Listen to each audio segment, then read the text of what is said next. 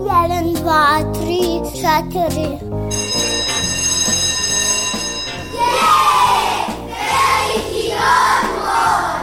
Emisija o obrazovanju i vaspitanju. E, Kad neka vaspitačica kaže da je veliki odmor, onda nešto radite. Jedeš, treniraš, skačeš, julješ se, eto, i tako. Vi slušate veliki odmor. Veliki odmor.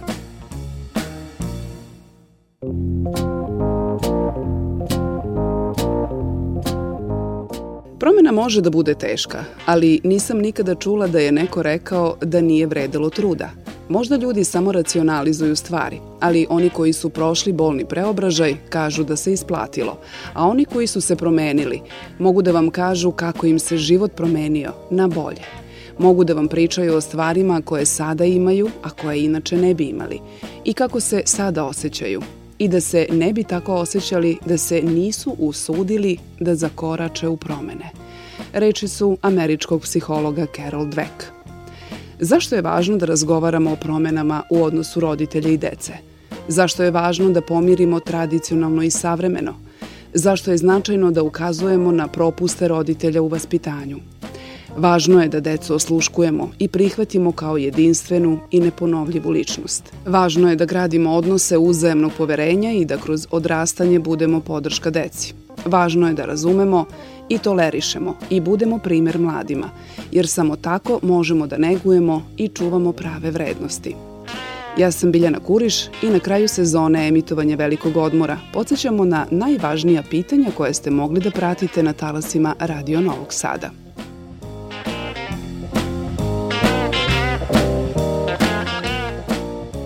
Jedno od najčešćih pitanja odnose se na pravilno odrastanje. Kroz razgovore sa stručnjacima saznali smo koji propusti u porodici, odnosno društvu, mogu da naruše zdravo okruženje mladih. Tako smo otkrili da otpornost na nepravilnosti u ponašanju mladih, prihvatanje različitosti i negovanje zdravih odnosa među vršnjacima jesu vrednosti koje se uče kod kuće. Zato psiholog Jelena Zorić ima savet za sve roditelje oni treba nekako u tim situacijama da spuste stres da normalizuju situaciju, da deci to predstave kao nešto što je sasvim normalno i prirodno ali će proći. Doći će do navikavanja na novo okruženje, na novu situaciju, na novu decu. Roditelji čak mogu i da ukažu kako su se oni nosili sa tim problemima, kada su oni te probleme imali sa svojim drugarima ili nastavnicima. Suština je u tome da roditelji treba da razumeju i da normalizuju i daju neke konkretne savete, ne govoriti samo nemoj ovo, ne trebaš ovo, ne trebaš ovako. Deca često znaju da šta ne trebaju i da to to ne trebaju, ali ne znaju kako. E to je ono što često se njima ne govori, na koje načine bi oni mogli da reše problem komunikacije, kako da se usvajaju te veštine. Treba da se nađu tu i da prepoznaju kad je moment kada dete, odnosno mlada osoba želi da priča, jer roditelji često mnogo pričaju i onda se ne čuju. Mlada osoba više nije dete, ne želi popovanje, ne želi duge razgovore sa roditeljima i roditelj treba da bude fleksibilan tome da se prilagođava. Ali postoji moment kada vas dete traži. Kada traži savet, vi taj moment čepate, iskoristite da delujete. Treba deca da znaju, tu sam kada budeš za priču. Znači, to je poruka koja se šalje. Ne treba da se ljutimo, se vređamo. Ja, on neće sa mnom da priča, on me ne voli, drugi su mu bitni, što nekad roditelji nezrelo reaguju u tim momentima, nego nisi sad za priču, ok, kada budeš za priču, bit ću tu i onda opet krenu da nađu prostora kada treba razgovarati sa svojom decom. Prosto to treba da osete. A koliko su mladi otporni na hroničnu opterećenost stresom, saznali smo od profesorke doktorke Marije Zotović i docentkinje doktorke Mirjane Beare, koje su sprovele istraživanje u vojvođanskim osnovnim i srednjim školama. Prema rezultatima, trećina mladih je hronično opterećena stresom i kako kažu, ne razlikuju se mnogo od svojih vršnjaka u bilo kom delu sveta – po toj vrsti opterećenosti. Čak jedna trećina mladih su negde izloženi povećanim nivoima patnje, da tako kažem, Tako da većina zapravo psiholoških poremećaja počinju u adolescenciji i oni poremećaji koji počnu u adolescenciji imaju tendenciju da traju i kasnije u odraslom dobu. Tako da ovde moramo držati širom otvorene oči. Da se u adolescenciji formira identitet i tokom formiranja identiteta mladi mogu da donesu određene zaključke o sebi koji nisu funkcionalni. Dakle, i to je nešto što recimo depresivni, recimo jedan stil gledanja na sebe da on nije dovoljno dobar, da nije dovoljno vredan i tako dalje. I to onda može jedno duže vreme da se prolongira i u odraslom dobu. Zapravo treba onda vremena i veštine da se oduči takav način naučenog gledanja na sebe koji može biti uzrokova različitim faktorima iz porodice, iz društva vršnjaka, iz svakodnevnog funkcionisanja. Kako rešiti unutrašnje previranje i uticaje sredine, a da opterećenost stresom bude svedena na minimum? koliko zahtevi i očekivanja roditelja sredine pa na kraju i samog sebe utiču na povećanje stresa koji vremenom prerasta u hroničnu opterećenost. Koliko su mladi otporni na stres? Pitali smo srednjoškolce, gimnazije Svetozar Marković u Novom Sadu, Marka Marića, Ivu Kostić i Miluš Kundrić. Nisam otporan, to mi je problem i sve sam više podložan stresu u poslednje vreme. Tu su i ocene, i porodični problemi, i vršnjački problemi, mnogo toga me pogađa i odnosi sa drugim e, vršnjacima. Onako sve mi se nekako gomila, sve nekako mislim da je to u mojoj glavi, da mogu to da rešim ali ne vidim rešenje jer toliko imam stvari oko sebe i toliko obaveza u toku dana da ne mogu sve sa svime da se izborim do kraja. Ja nekako u poslednje vreme se osjećam baš stresno zbog škole i tako to. Mislim, sada više u poslednje vreme imam osjećaj kao da odustajem od svega toga, ali taj stres je i dalje tu, ali ja i dalje nastavljam kao da boli me briga i tako dalje. Što se tiče stresa u poslednje vreme, pogotovo sad kako se bliže kraj tromesečja je bilo baš onako i opterećenje oko škole, oko obaveza van škole, da li to bilo nešto vezano za školu, neka sekcija ili ne, ove, sve je više dešavanja i, i u privatnom životu i onda prosto to sve utiče. Vaspitanje je kad se lepo ponašaš i kad čuvaš prirodu. Jedno od pitanja koje smo postavili u velikom odmoru bilo je kako sa tinejdžerom.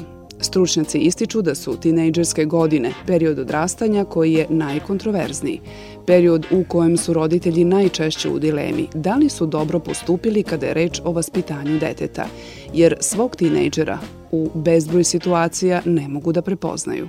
Misli se na neka ponašanja koja nisu prijetna. Bilo da su to druge reči koje koriste, čak ove ružne reči, da upućuju neke grandiozne izjave tipa ne volim te mami ili tati. Bilo da su to problemi u školi, da dečaci su možda nekad buntovni u smislu da se tuku ili da neće odjednom ništa da uče, pokvara ocene naglo odjednom preko noći, malte ne prestanu da uče. Ako ne najveći, onda prvi od mnogih izazova koji se postavlja pred roditelje jeste onda kada njihovo dete raste i iz dečijeg polako ulazi u svet odraslih. Promene u ponašanju vašeg tinejdžera su uočljive. Vrlo često se mršti na pitanje gde si bio, kako je bilo u školi, da li si gladan, kako se to ponašaš. Tada je to prvi znak da se vaše dete menja objašnjava pedagog i sertifikovani edukator pozitivne discipline Dijana Radojković. One pre svega nisu ni svesni da su oni uplašeni. Vrlo često misle da su ljuti i često se emocije straha i ljutnja zamenjuju jedno drugim.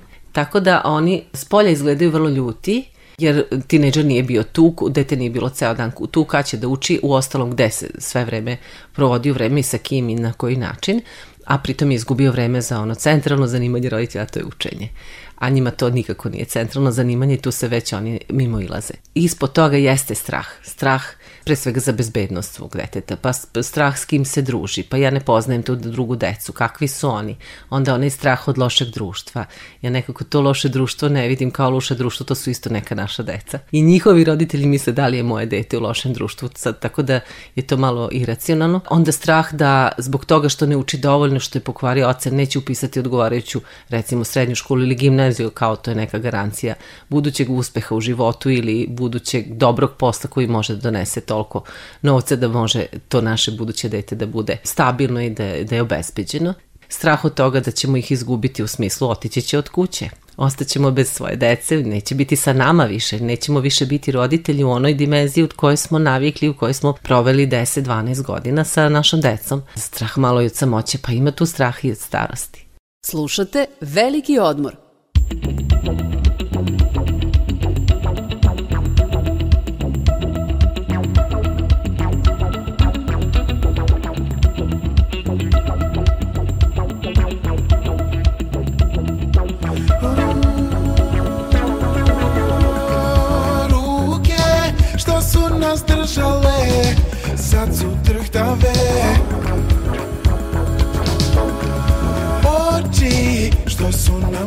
sijale Sad su krvave. Ljubav gubi se Ali ja ne mogu da shvatim kako. Bez nam ostaje Ali ja ne mogu da shvatim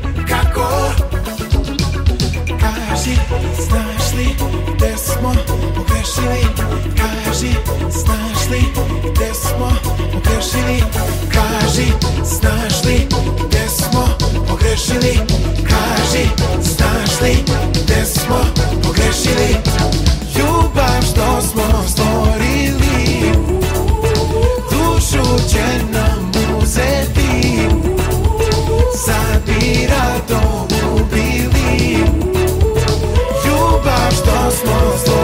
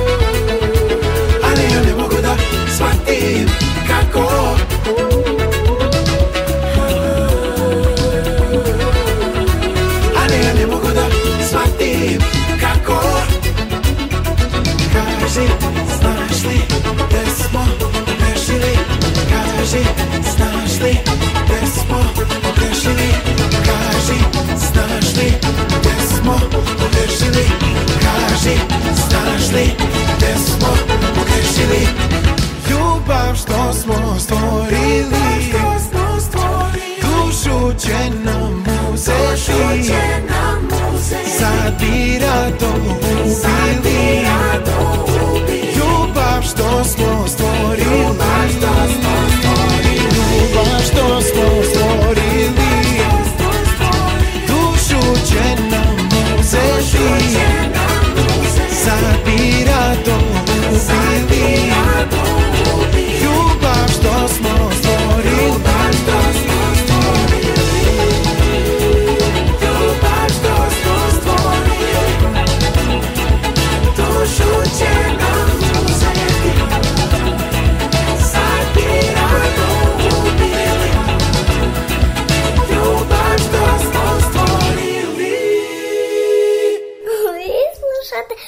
Veliki odmor. Ovo je posljednja emisija Velikog odmora u ovoj sezoni. I na kraju još jedne školske godine, bar kada je reč o nastavi, izdvajamo značajno pitanje za mlade koje ste mogli da slušate u ovoj emisiji. Zašto se deca sve manje igraju i gde se izgubila priroda potreba za aktivnošću? Prema istraživanjima sve više dece koja imaju problema s gojaznošću ili telesnim deformitetima, Na osnovu sistematskih pregleda, dece u osnovnim i srednjim školama, deformitet kičmenog stuba je u porastu iz godine u godinu. Profesorka fizičkog vaspitanja Renata Ćorović u gimnaziji Jovan Jovanović Zmaj u Novom Sadu. Baviti se sportom je uvek bilo bitno. Ono što je najvažnije je držanje. Ono što je nošenje teških torbi, trpi kičma, baviti se sportom ili prošetati, uraditi vežbe oblikovanja, već nešto što je pozitivno. Deca ne znaju danas da naprave kolut napred, Odgovorno tvrdim. Radim u srednjoj školi i za mene je to poražavajuće. Ona kaže da su savremene tendencije takve da komunikacije između mladih ne postoje, pa samim tim nema ni igre. To potiče od osnovne škole. Oni su trebali da se igraju zajedno da bi to nastavili. Nije bitan klub, bitno je baviti se nečem. Ići. Idemo da vodimo bicikl. Ajde, idemo da beremo visibabe. Ja to unazad 15 godina nisam čula. Ajde, idemo da beremo visibabe u Kamenički park, biciklom. Mi smo znali da odemo peške u Kamenički park da beremo visibabe, to je bilo nešto. Zašto je važno da mladi brinu o svom reproduktivnom zdravlju? Odgovor na pitanje dobili smo od stručnjaka koji rade sa mladima i koji upozoravaju da među mladima nezadovoljavajuća kontrola polno prenosivih bolesti.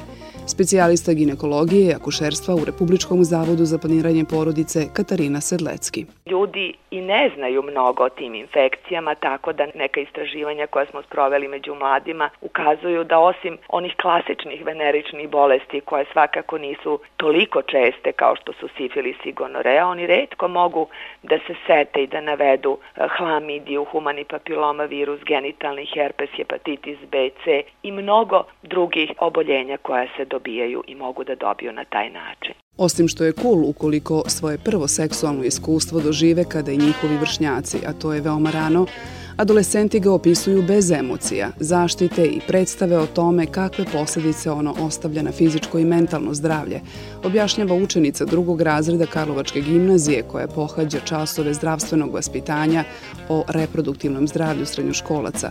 Ona ističe višestruke probleme sa kojima se suočavaju njeni drugari.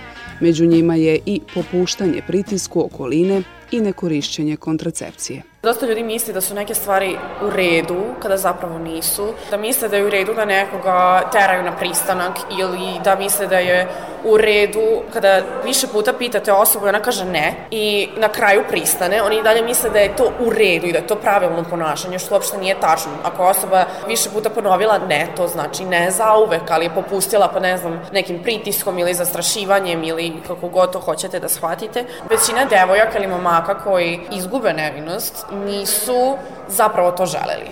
I mi kada pričamo o takvim stvarima, to je više ono kao pa što da ne, zajedno smo voliko ili zajedno smo voliko, dosta njih nema svoje mišljenje o nečemu i misle, ok, ako je ta drugarica to uradila, onda moram i ja. Inače, ja nisam, pod znacima navoda, cool. Niko više ne pristupa onako kako bi žela, onako kako se prijatno osjeća, nego te neke nametnute norme su uvek prisutne neke devojke koje iz takvih, na primjer, hirova ili na žurkama izgube nevinost, kasnije ne mogu da dođu sebi, moraju da idu kod psihologa, užasno su nezadovoljne same sa sobom, ne mogu više da budu vezane, žele da ih niko dodirne, osjećaju se odvratno, moraju da se sklone i nažalost prisustovala sam takvim stvarima. Tako da mislim da je jako, jako bitno da se deci, tinejdžerima, predstave svi aspekti i mentalni i fizički onoga što se nama događa i šta nama može da se dogodi kad su međuljudski odnosi na taj način u pitanju. Slušate Veliki odmor.